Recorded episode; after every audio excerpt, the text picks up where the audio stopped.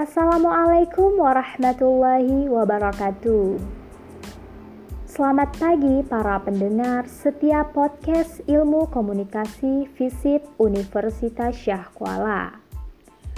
Nah, di pagi hari ini kita akan sedikit membahas tentang pentingnya menjaga kesehatan di masa pandemi COVID-19.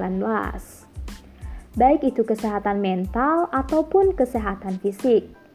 Sebelum lebih lanjut, kita membahas apa saja sih yang harus kita lakukan sebagai seorang mahasiswa yang mengikuti perkuliahan di masa pandemi seperti saat ini saya akan memperkenalkan narasumber yang akan kita tanya-tanya terkait hal seperti apa yang harus dilakukan di saat pandemi, namun dengan aktivitas yang cukup padat.